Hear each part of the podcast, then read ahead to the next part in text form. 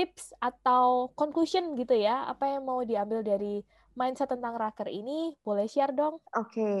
yang pertama pastinya setiap organisasi perlu punya uh, perencanaan kan ya. Hmm. perencanaan ini adalah bagian dari Anda juga alignment seluruh leader Anda. Bayangkan ketika semua leader itu punya pemikiran masing-masing. Jadi raker itu adalah hal yang penting, yang utama dan wajib ya menurut saya. Itu. Hmm. Kemudian poin yang kedua, ketika Anda merasa tidak nyaman atau um, dengan dengan raker yang face to face atau tidak memungkinkan, uh, tetap aja usahakan untuk menyesuaikan diri, siapin toolsnya, siapin skill Anda untuk raker yang berbeda karena itu juga bagian dari transformasi ya. Um, jadi tidak menggunakan momen pandemi ini sebagai alasan untuk nggak bikin strategi.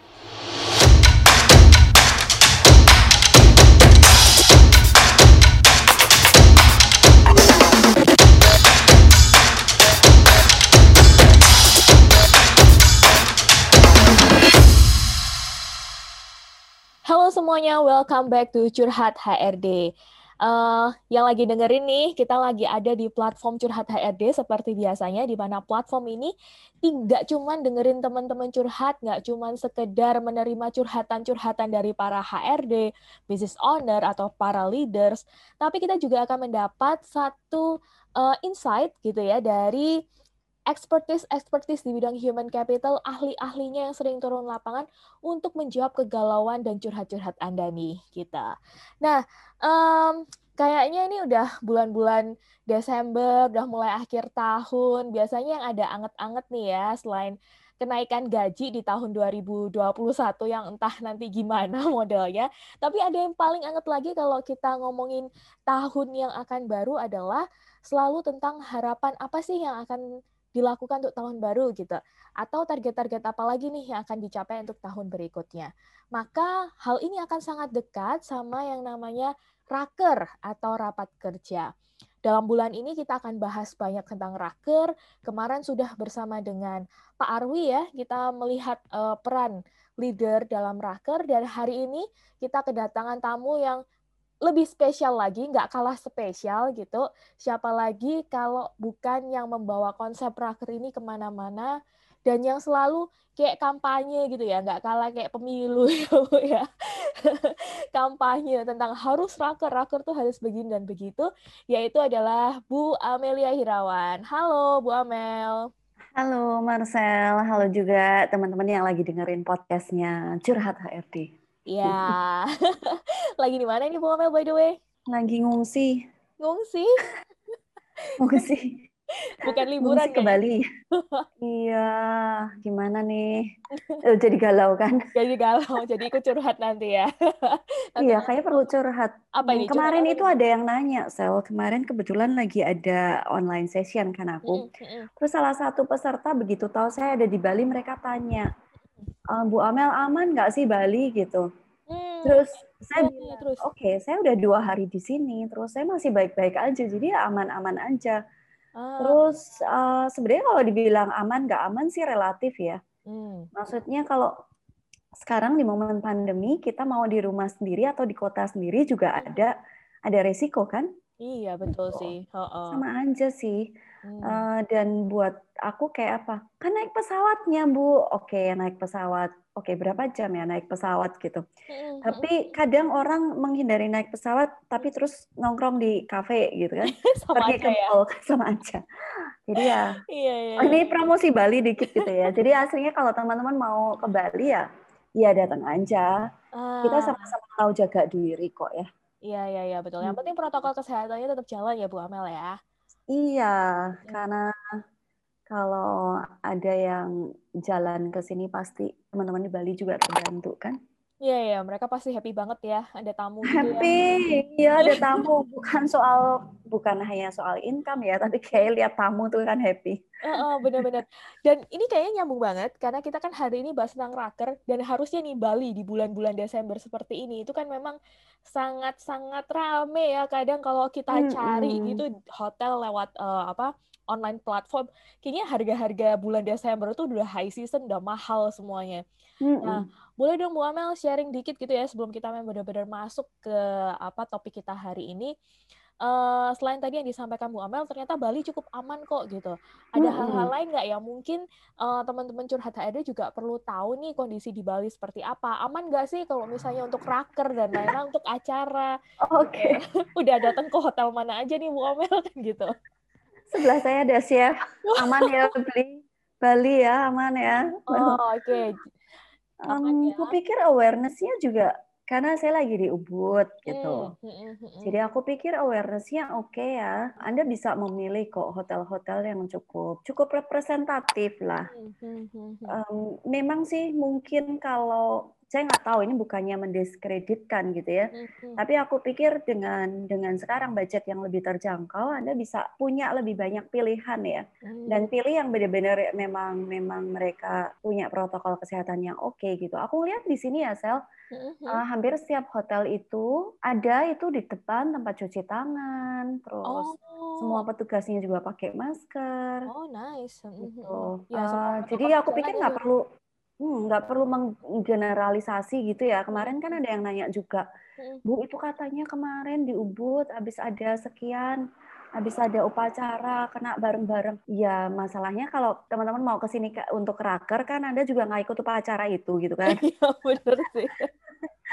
Kalau ini Bu Amel, kondisi turis di sana seperti apa? Karena kan uh, kita juga tahu ya, salah satu yang juga membuat khawatir kadang adanya turis lain yang masuk ke daerah tersebut gitu. Kondisi turis, turis lain dari turis luar maksudnya dari luar negeri. Mm -hmm. Kan sebenarnya Bali sendiri belum terbuka untuk penerbangan internasional ya. Oke. Okay. Yang masuk ke sini kan sebenarnya relatif terbatas. Mereka harus pakai visa bisnis. Mm. Karena kebetulan uh, minggu depan saya acara Points of View juga ada fasilitator juga dari luar negeri juga mereka pakai visa bisnis. Okay. Dan udah dipastikan visa bisnis itu udah malah double protection ya.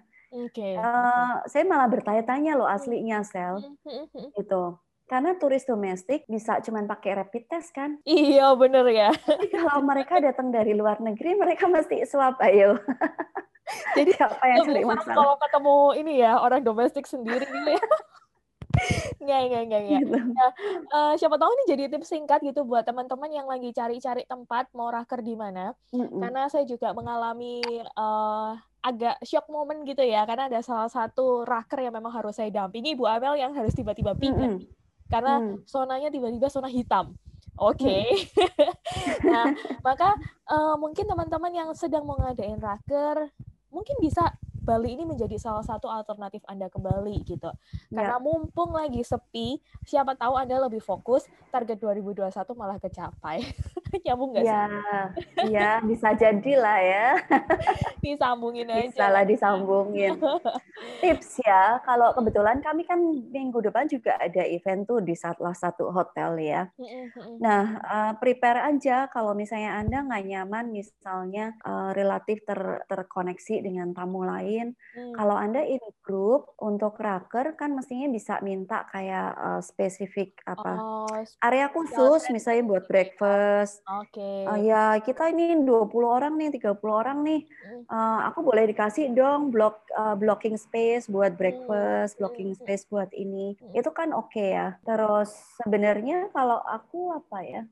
ya sekalian di Bali ya mau pandemi nggak pandemi tapi kayaknya kalau di Bali terus kita cuma melulu di ruang meeting yang nggak ada nggak ada kontak sama uh, alam kak ya ngapain kamu ke Bali gitu loh iya benar-benar ya. Mungkin justru Dan, berdamai dengan alam ya hmm, cari aja ruangan yang sirkulasi gitu. udaranya gitu. ah, betul. Ya, sirkulasi udaranya bagus gitu Hmm. Kayak aku kebetulan di oh ini boleh promosi dikit gitu kan. Aku ada di Anumana Monkey Forest. Oke. Okay. itu kamarnya juga sirkulasinya bagus karena hmm. apa ada ada dua pintu, uh, pintu satunya kan langsung ke pool gitu ya. Oke. Okay. Jadi sirkulasi udara kan bagus kan katanya sekarang harus cari tempat yang sirkulasi udaranya bagus toh. gitu. Oke oke oke. Nah itu bisa. Pikir cuma itu sih ya. Iya iya iya. Yang penting protokol kesehatannya terjaga. Iya. Terus kalau misalnya anda datang bersama-sama dengan grup, anda bisa minta special request, special treatment mm -hmm. dari uh, venue tempat Anda raker. Mm-mm. Coba deh. Kalau lain-lain sih Heeh. mau di Bali nggak mau di Bali kan sama, kamu mesti tetap pakai masker, Iya, mesti betul. apa, itu sama Iya. aja sih. Dan benar kata Bu. Amel sih, tadi kalau justru malah di tempat lain, raker atau di kota sendiri ya kita cuma di dalam meeting room, nggak Mm-mm. jalan-jalan ya, nggak nggak Nah, menikmati segar misalnya. Mungkin Bali bisa Mm-mm. jadi satu alternatif asal semuanya juga aman dan pastikan tim Anda juga mengikuti protokol kesehatan kesehatan, terutama mengikuti tes. Nah, itu dia. Betul. Nah, kita langsung masuk Bu Amel ke topiknya karena tadi kita juga udah bahas tentang raker, raker, raker dan memang lagi ngehits banget di awal Desember ini ya mulai November ya. Mm-mm. Sinergia kita tahu juga sudah menyelesaikan rakernya di akhir November kemarin. The show must go on kan. The show must go on. Mau apa pun yang terjadi, raker Mm-mm. tetap harus jalan gitu. Nah, tapi Bu Amel, ini lucu juga Mm. HRD gitu ya, the business Mm-mm. owner, HR, dan juga professional leaders gitu. Anda salah satu eh, yang masuk juga di chat saya gitu. Salah Oke. satu dari business owner takut mengadakan raker karena isu Mm-mm. tadi ya, isu zona-zona itu tadi. Itu yang pertama. Nah, itu kan jadi seru ya. Ini raker kok dikalahkan sama virus ya. Nah, Oke. ya Ah, Mm-mm. Terus ada lagi nih, eh, saya juga sempat tanya-tanya gitu kan ketika saya connect sama klien. Oke, emang ketika raker tuh eh, apa sih yang dipinginin? Yang diingat pertama itu Bu Amel adalah jalan-jalannya. Weh, Hmm, kan jalan bukan bikin program kerjanya ya. program kerjanya. Terus yang ketiga nih gitu, waktu kemarin juga sama Pak Arwi ngobrol-ngobrol, salah satu Aha. paling diingat dan juga paling ngangenin saat momen raker adalah kumpul-kumpul dengan eh, cabang lain yang tidak sa- satu kota. Oke. Ah, oke. Nah, kayaknya nih melihat dari beberapa beberapa isu yang sudah masuk juga di curhat-curhatan kami gitu kan. Kayaknya ada yang salah nih tentang istilahnya rapat kerja itu sendiri. Maka sebenarnya Mhm. mungkin Bu Amel bisa ceritakan lebih clear eh, walaupun nanti sebenarnya Bu Amel sendiri teman-teman itu eh, lagi bawa akan bawain live online training mengenai mindset tentang raker ini ya Bu Amel ya. Mhm, Di tanggal mhm, 16 Ya, November itu akan lebih betul. detail gitu.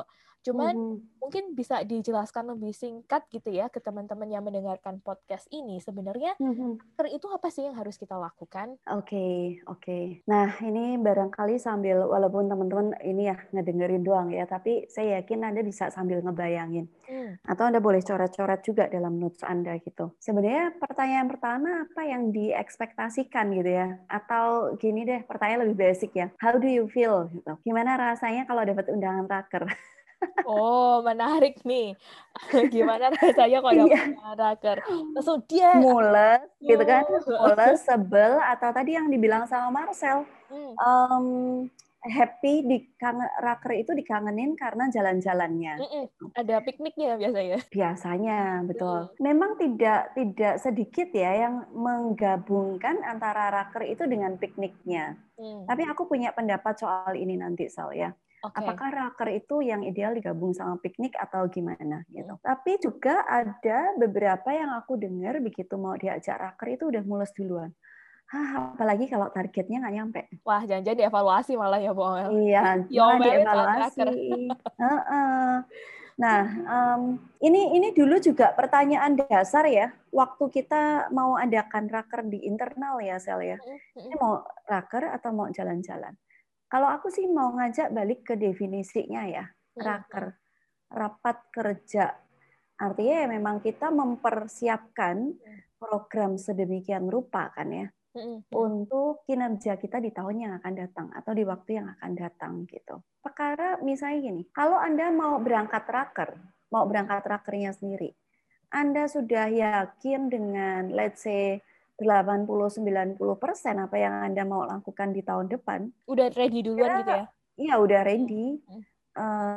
Nggak apa-apa juga gitu sama jalan-jalan, momennya barengan kan. Hmm. Tapi kalau enggak, belum ada intro, belum ada pendahuluan, apa yang mau dilakukan di raker.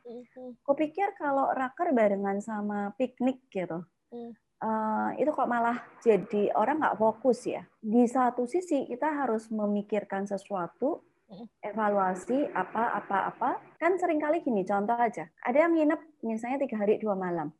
Dua hari buat tracker satu hari mau buat jalan-jalan. Ya anda bayangkan bapak ibu teman-teman yang di, yang dengerin ini apa yang terjadi ketika waktu kita meeting dua hari? Ternyata itu belum final. Ya. Okay. Hari kedua malam-malam pasti orang udah mikirnya gini aduh kenapa nggak selesai-selesai ya besok kenapa kan kita mau jalan-jalan nih gitu iya, nah itu kan juga jadi masalah orang udah nggak fokus kan ya betul gitu. atau mungkin idenya ide idenya bisa anda balik nih hmm. biar orang happy kan hmm. gitu ya ada ini juga biar orang happy uh, piknik duluan baru oh, raker oke okay. ya kan? lebih fresh ya Bu Amel lebih fresh tapi tergantung ya sel oke okay. karena dulu itu kan musim banget tuh kalau raker ada outbound. Outboundnya kalau ditaruh hari pertama, hari kedua mau mulai raker itu orang Capek. tewas semua. Jadi serba salah kan? Iya benar-benar benar. Nah, makanya ketika kita bicara uh, tentang mindsetnya, hmm. mindset apa yang harus dipersiapkan saat raker? Saya sih kembali mengajak Anda untuk melihat ya, Anda sendiri punya tujuan apa mau raker itu? ya. Okay. Kalau memang ada tujuannya mau uh, alignment untuk building engagement, ya udah di, di, dibikin judulnya terpisah. Jadi raker is raker, gitu kan? Raker is raker ya dibilang kita bakalan raker nih dua hari. Tapi plus dengan catatan, hmm. yaitu di prepare duluan, baru kita misalnya hari terakhir. Teman-teman di Sinergia juga pernah mengadakan itu ya. Uh, tapi kami juga tahu ya, ini teman-teman business owner ataupun HC practitioner, kami juga tahu ini kalau nggak sampai nggak selesai, walaupun kita udah bikin time uh, framework, orang juga nggak akan konsen karena besok akan piknik. That's why kemudian kami punya rancangan membuat praraker. Oke. Okay. Nah, ya. Jadi kerjaan kita di raker itu udah lebih ringan ya. Oke. Okay. Itu kalau anda mau combine ya. Kalau mau combine hmm. antara uh, raker dengan jalan-jalan atau ada event kayak gathering dengan cabang cabang-cabang lain di luar kota gitu ya, mungkin Betul. ini bisa jadi salah satu uh, hmm. solusinya yaitu gak hanya mengadakan raker tapi juga disiapkan sebuah pra raker hmm. begitu. Hmm. Nah Uh, mungkin juga banyak yang belum tahu nih, Bu Amel, uh, business owner, okay. HC practitioner, dan professional leader, kenapa sih harus ada praraker itu tadi? Apa yang disiapkan? Okay. Karena tadi sempat disebutkan oleh Bu Amel, ya paling nggak rancangan yang mau dibicarakan itu udah disiapkan, let's say 70-80% gitu. Ya, Nah, apa yang disiapkan itu? Oke, okay. ini jadi cerita dikit ya, tapi aku berharap teman-teman yang uh, ngedengerin ini sebelum sebelum kita ada live online training ya, Anda tetap bisa datang ke live online training karena pastinya uh, kita bisa tanya jawab di sana. Ya. Nah, uh, saran aku sih atau pengalamanku ya, aku tuh punya tiga rangkaian sel okay. dalam raker itu sendiri. Yang pertama adalah praraker. Okay. Ya. Kemudian yang kedua adalah raker itu sendiri dan yang ketiga adalah kick off meeting. Mm mulai dari praraker ya. Sebenarnya praraker ini bicara tentang satu evaluasi target di tahun yang sudah berjalan. Hmm. Ya. Jadi katakanlah tahun 2020 gitu. Hmm. Uh, achievementnya udah berapa sih? So ketika hmm. Anda punya praraker di, di bulan Desember 2020, uh, eh, maka Anda bisa membicarakan, oke okay, nih total achievement kita sampai November. Lo kan belum final, Mel. gitu. Hmm. Ya, tinggal sebulan kan bisa dikira-kira gitu. Hmm. Tapi itu bisa menjadi patokan awal untuk uh, rancangan target tahun yang akan datang. Ya. Okay. Jadi poin yang pertama adalah evaluasi target tahun berjalan. Hmm. Kemudian poin yang kedua adalah penyampaian goal atau target untuk tahun depan dari siapa ya dari manajemen, dari direktur gitu. Artinya sebenarnya di sini sebelum praraker pun kalau Anda bisnis owner, Anda direksi yang kebetulan dengerin podcast ini, hmm. Anda harus harus punya datanya dulu ya. Di hmm. laporan keuangan, kalau Anda partneran, direksi yang cuma satu, ya artinya Anda punya meeting kecil dulu sebelumnya untuk hmm. hmm, hmm. merancang tahun depan tuh targetnya kayak apa. Ya. Dan biasanya praraker itu aku juga kasih ini apa kayak bukan bukan hanya motivasi ya, tapi encouragement ya, mengevaluasi intensi tim ini, tim leader ini di tahun berjalan, tahun depan punya intensi apa. Jadi uh, alignment kecil lah ya. Oke, okay, oke. Okay. Alignment kecil atau sebenarnya memberikan alasan kenapa target itu kita berikan. Ya. Hmm aku kan suka bilang ya why behind what Iya iya iya. Why ya, behind what gitu. Nah itu harus muncul di praraker. Mm. Itu itu praraker sel. Semoga cukup jelas ya. Iya iya iya ya. Ini semoga juga teman-teman tidak merasa yang sudah mendengarkan podcast sebelumnya dari Pak Arwi, Bu Amel dan Pak Arwi janjian enggak ya? Karena Pak oh, Ibu ini Bu Amel okay. bilang hal yang sama sebenarnya gitu terkait uh -huh. uh, dua hal yang mesti semestinya di, dibahas dalam raker itu adalah um, okay. evaluasi mengenai tahun yang sedang berjalan itu apa. Jadi apa yang sudah baik dan apa yang perlu ditingkatkan dan jadi goal di tahun 2021 atau di tahun depannya. Nggak janjian okay. kan? Iya, jadi ini me memang sih gitu. Teman-teman kalau dengerin podcast curhat HRD, uh, eh, kita tuh tim expertnya tuh bisa kompak-kompak gitu ya ngasih tips itu udah align. Udah align. Selalu mirip-mirip gitu.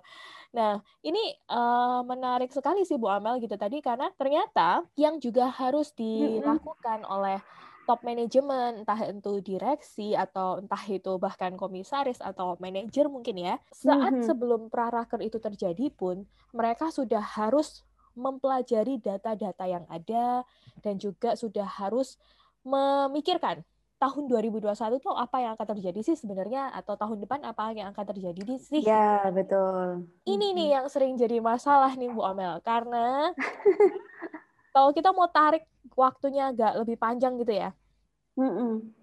Kadang business owner itu keasikan tuh buat kerja sehingga lupa waktunya untuk kembali menyusun diri tahun yang akan datang mau ngapain karena fokus banget pada saat ini ya kan? hmm. terus yang kedua eh, ketika sudah merancang mau merancang lagi di tahun 2021 atau tahun depannya yang sering terjadi adalah semuanya by feeling gitu tidak mempelajari okay. data-data Nah, ada nggak mm -hmm. sih tips dan trik singkat gitu untuk untuk uh, teman-teman business owner, uh, HC manager mungkin atau professional leader ketika kita mau merancang suatu target baru dan menyampaikannya ke tim saat raker apa yang memang harus dipersiapkan oleh mereka Oke, jadi tadi poin pertama adalah ketika teman-teman terlalu sibuk, jadi nggak sempat mikir raker gitu ya. Mm-mm. Itu. Terus poin kedua tadi adalah bingung sendiri strateginya apa karena nggak pegang data gitu ya. Mm-mm. Oke, so yang pertama uh, wah ini aku jadi mikir ya.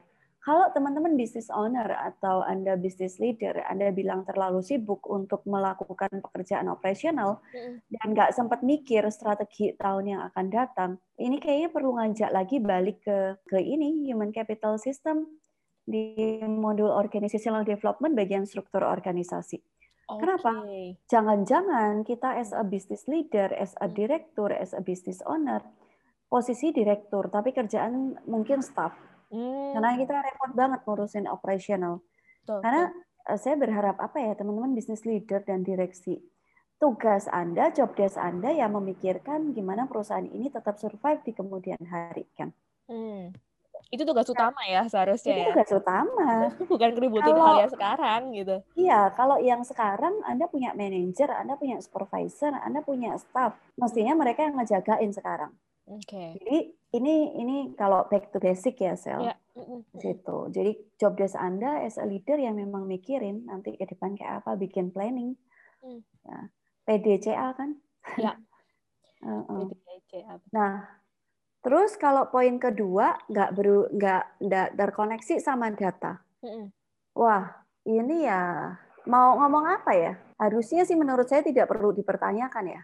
Kalau seorang leader juga tidak uh, berhubungan sama data ya terus mau bikin plan kayak apa mau ambil keputusan kayak apa hmm. itu kan juga repot ya -mm. Gitu. jadi teman-teman yang kalau dengerin podcast ini terus bel, uh, merasa nggak terlalu anda tidak terlalu punya data barangkali ini yang harus anda masukkan dalam goals anda di tahun 2021 nanti Semuanya lebih tercatat. lebih gitu ya. lebih tercatat, uh, uh, uh, uh. Lebih memperhatikan data. Betul. Karena karena misalnya kita ngecek ya, bulan Desember, ini kan Desember ya. Bulan Desember tahun ini sama bulan Desember tahun lain berapa persen kenaikannya? Uh, betul. betul. Oke, oke. Itu salah satu contoh untuk untuk mengukur uh, bisnis Anda itu ada di peak season itu di bulan apa aja. Ah, ya ya ya. Sehingga kita juga bisa taruh nih program-programnya di bulan apa nih kita bisa agak longgar, di mana untuk pengembangan SDM, di mana kita harus jualan cepet-cepet karena itu jadi peak season itu tadi ya kan. Uh, saya jadi ya. ingat Bu Amal mm -hmm. ngomongin soal data dan soal raker gitu. Mm -hmm. uh, karena ini kebetulan ya teman-teman nggak kebetulan juga sih nggak ada yang kebetulan kalau menurut Bu Amel teman-teman bisnis owner HC practitioner saya itu kan udah sama Bu Amel kurang lebih 10 tahun ya Bu ya. Lama ya. Lama ya. Hampir gini 11 tahun gitu. Uh, saya ingat banget di mana kayak eh, lima uh, tahun lima tahun pertama, lima enam tahun pertama, Sinergia itu mm mostly raker ya happy happy having fun aja ya benar iya. data inget nggak Wol ya iya. tapi sekali di 2015 ke 2016 kita mempelajari sebuah data uh, saya cukup surprise saat itu karena kita ternyata growth-nya itu 10 kali, bukan bukan 100% loh teman-teman, artinya itu 10% loh ya. Jadi kita growth-nya itu bisa 10 kali saat kita itu mempelajari sebuah data. That's why itu kenapa praraker dan mempelajari sebuah data menjadi salah satu hal yang sangat penting Anda lakukan untuk menyiapkan raker. Seperti hmm. itu. Nah, itu kalau tadi terkait dengan apa yang harus dilakukan saat raker ya kan apalagi kalau mm -hmm. rakernya punya agenda lain catering mm -hmm. kayak uh, atau jalan-jalan kayak gitu ya yeah. nah ini terkait dengan hal lain mindset yang menurut saya salah gitu terutama mm -hmm. di momen-momen pandemi seperti ini yang pertama mm -hmm. tadi saya sebutkan ada komisaris yang takut untuk mengadakan raker dan bahkan dia nggak okay. ngerti tahun depan apa yang akan terjadi sehingga dia nggak berani membayangkan sesuatu. Menurut saya kok lah kan perusahaan-perusahaan Anda ya, kok ada yang jadi ah, targetkan gitu. Oke. Okay. Mm -mm. Itu yang pertama. Plus caranya raker di momen pandemi ini karena kadang itu apa leadersnya sendiri yang finally takut ngadain di meeting room gitu ya ngadain pertemuan yes. di meeting room connect lebih dekat dengan timnya ada isu-isu seperti itu Nah, maka okay. apakah dengan online seperti ini akan efektif? Karena kemarin Pak Arwi sudah raker Bu Amel katanya dengan tim mm -hmm. Dan ngelakuinnya by online loh. Yes. Iya kan, gitu.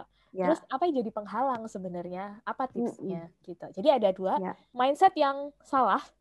Kok mm -hmm. saya harus buat 2021 padahal bisnis nggak jelas gitu ya. Dan yang kedua mm -hmm. adalah tips untuk mengadakannya. Ya, Good. Um, yang pertama dulu ya, uh, apakah ya sebenarnya ada pandemi good excuse ya, alasan yang baik untuk kita nggak bikin agenda atau bikin program atau bikin target di tahun 2021 mm. karena karena kita nggak tahu situasinya seperti apa. Mm. Ya itu alasan yang bagus sih. Mm. Dan mm. kalau kita mau bikin alasan ya boleh-boleh aja ya. Tapi gini, uh, saya jadi ingat sel Hmm. Nanti barangkali teman-teman kalau yang ada di sini juga bisa mengakses buku tiga kunci sukses ya, karena saya menuliskan di sana. Dan dan juga nanti kita akan membicarakan lagi di di LOT di live online training. Uh, seperti di sinergia, saya itu mengilustrasikan tahun ini itu kayak kita berlayar ya teman-teman ya. hmm. ya. Kita kayak berlayar. Apa yang terjadi ketika kapal kita itu di tengah laut terus kena badai kehilangan arah? Kan itu sebenarnya uh, metafor dari tahun ini ya. Betul, betul. Badai Apakah COVID, Anda ya? akan berdiam diri hmm. di tengah laut, hmm. uh, menunggu angin bertiup dan Anda nggak tahu ditiup ke mana, atau Anda melakukan sesuatu itu untuk menyelamatkan diri? Ya. Dan sebenarnya yang aku yakini yang kita lakukan ya sel di sinergia hmm. adalah poin yang kedua ya. Memang saya juga nggak tahu nih terus udah terombang ambing terus ada di mana terdampar di mana, nggak tahu gitu. Tapi sih aku maunya aku do something untuk apa ya, tetap berusaha ya. Mm-hmm. Jadi itu poinnya. Dan uh, saya jadi ingat salah satu hasil penelitian yang saya tulis di uh, buku tiga kunci sukses dalam pengelolaan SDM. Kita bakalan launching segera kan? Ya, segera ya. Tunggu ya teman-teman. Kalau teman-teman kenal Anthony Robin dalam CEO sebuah CEO conference di tahun 2018, dia tuh bilang gini, Tahu nggak, 8 dari 10 business owner itu mereka pede banget, pede banget bahwa bisnisnya bisa berkembang. Bagus dong. Bagus, bagus ya. banget sih. Tapi sayangnya uh, hanya 13% di antara mereka yang siap menghadapi krisis. Hmm. Ya. Nah, situasi yang tidak menentu, situasi chaos, itu aku hmm. anggap um, tadi situasi krisis karena kita nggak punya data memang untuk ambil keputusan. Nah, apa bedanya kemudian 30 uh, 13 persen leader yang uh, siap menghadapi krisis dan berapa berarti 87 persen leader yang tidak siap menghadapi krisis. Anda pasti bisa membayangkan teman-teman. Kalau Anda ingin bekerja sama, Anda akan pilih orang yang siap menghadapi krisis atau yang tidak siap menghadapi krisis. Ya, ya, ya, ya, ya. Dan sebenarnya ini juga jadi pertanyaan untuk uh, para business owner dan professional leader ya. Anda termasuk hmm. yang 13 atau termasuk yang 87 nih? Oh iya. Iya, jangan-jangan ya, nih kalau, kalau misalnya takut nih ngadepin tahun depan bingung mau ngomongin apa, jangan-jangan Anda yang 13, ya kan? Nah, iya. Semoga enggak lah ya. Semoga tapi, enggak ya. Tapi kalaupun mungkin Anda masih ragu atau merasa tidak siap, uh, saya sih mengundang Anda ya untuk terkoneksi sama teman-teman sinergi ya. Siapa tahu beberapa pengalaman kami bermanfaat juga buat Anda. Iya, iya, iya, betul, betul. Dan mungkin Bu Hamel juga banyak sekali sih yang masuk ke Sinergia ya, karena Sinergia juga membagikan tips-tips tentang raker yang teman-teman semua juga bisa mm -hmm. connect di Instagram, di email gitu. Um, dan banyak yang tanya gimana sih caranya ngadain raker versi Sinergia yang fun kayak gitu. Nah, saya mengundang juga uh, untuk Anda yang mendengarkan podcast ini, business owner, HC practitioner, uh, professional leader, yang memang penasaran gitu apa yang memang sinergi lakukan. Kemarin kok saya sempat story di Instagram Bu Amel tuh sampai tidur tidur ya yang nanya ya. Iya. Tanya aku kamu asik banget sih? Raker kok aku rakernya rasanya pusing stres gitu ya. Apa yang terjadi? Teman-teman uh -uh. bisa connect uh, lewat DM-nya Sinergia di Instagram di @sinergia underscore konsultan atau di email kami di info at sinergiakonsultan.com begitu. Mm-hmm. Mm-hmm. Yes. Nah, sekarang yang kedua nih. Ya, yang kedua nih Bu Amel sekarang. Online, raker mm-hmm. online. Mm-hmm. Wah, zaman sekarang kalau nggak bisa raker online ya ada di dunia mana gitu ya. Itu anyway itu salah satu kompetensi yang mau nggak mau Anda harus memaksa diri Anda uh, apa mempelajarinya ya Hmm. Ya, dan dan gini, bisa banget, bisa hmm. semuanya tuh bisa. Tinggal Anda perlu tahu tekniknya.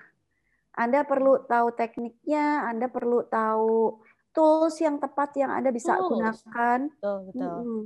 Karena tools itu penting ya. Soalnya kalau kita tidak menguasai tools, pasti bingung. Nggak cuma tools ya, tapi misalnya juga koneksi, uh, koneksi karena kalau eh, raker online kan koneksi internetnya paling dasar sih. Koneksi internetnya kan mesti mesti ini, mesti kuat. kalau enggak gimana? Itu itu salah satunya. Jadi banyak kok teman-teman kalau Anda mau mempelajari, mau cari cari toolsnya, pakai Zoom pun bisa ya. Bukannya promosi Zoom, tapi um, misalnya kita ketemu di main room, terus nanti waktu bikin program, program kerja ke breakout room. di breakout room itu simple. Hmm.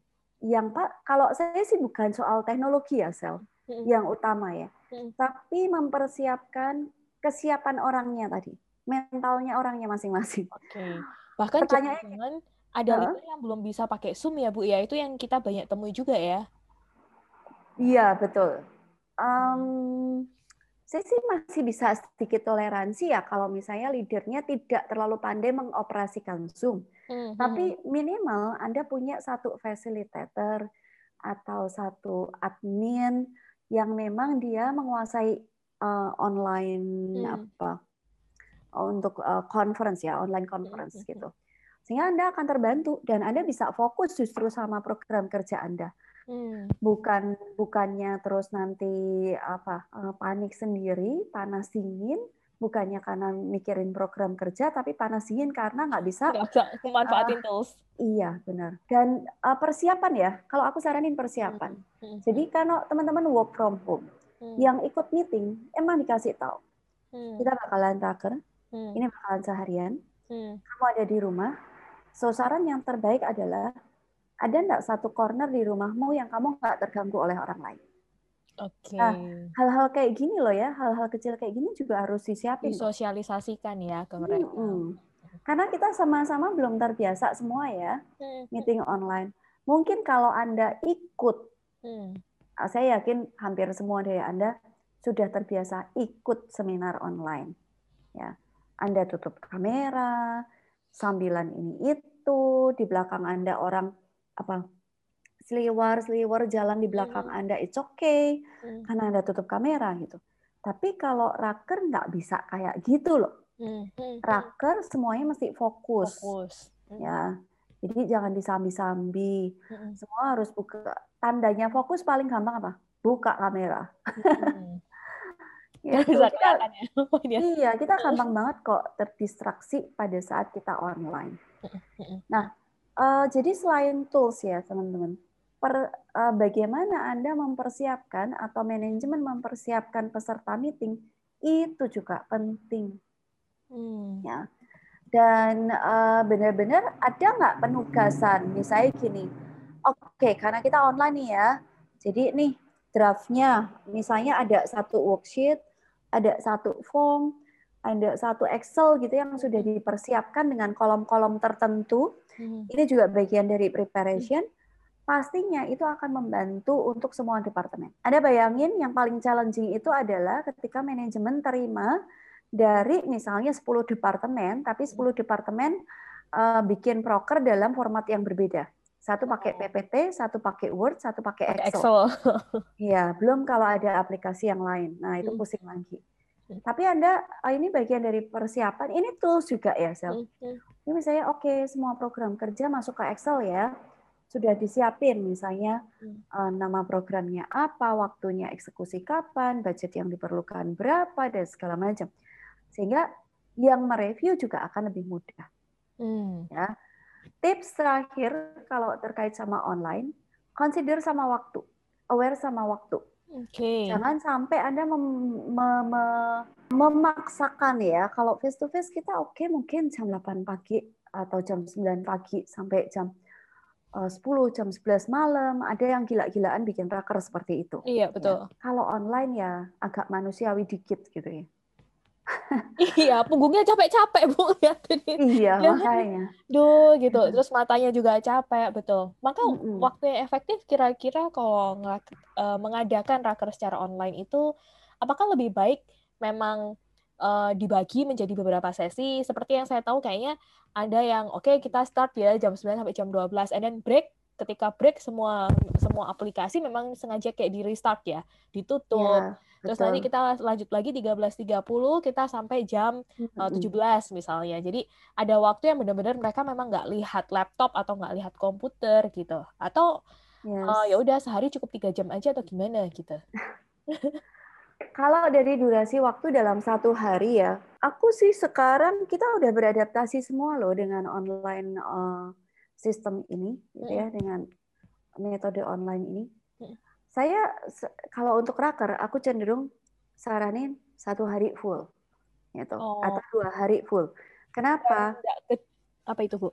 Iya, biar lebih fokus. Lebih kalau fokus uh, ya. Kita ngerasain ya, pagi kita mikirin program kerja masa ya ekologis gitu ya atau ajaib banget sih mikir program kerja satu tahun tapi cuma dikerjain dalam dua jam gitu kan kayak so iya juga ya, ya.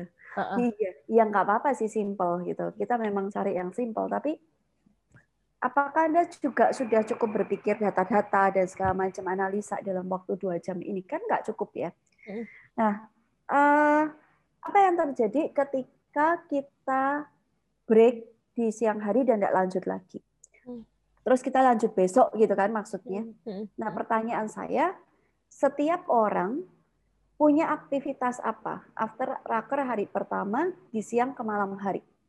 Kalau mereka punya aktivitas yang berbeda, besoknya di hari kedua itu bangun fokus lagi. Oh, bangun atmosfer untuk kembali tune in itu nggak mudah ya memang ya. Jadi Benar. itu juga perlu menjadi catatan untuk teman-teman yang mungkin kayak mesin uh-uh. kayak mesin boiler gitu ya. Oh.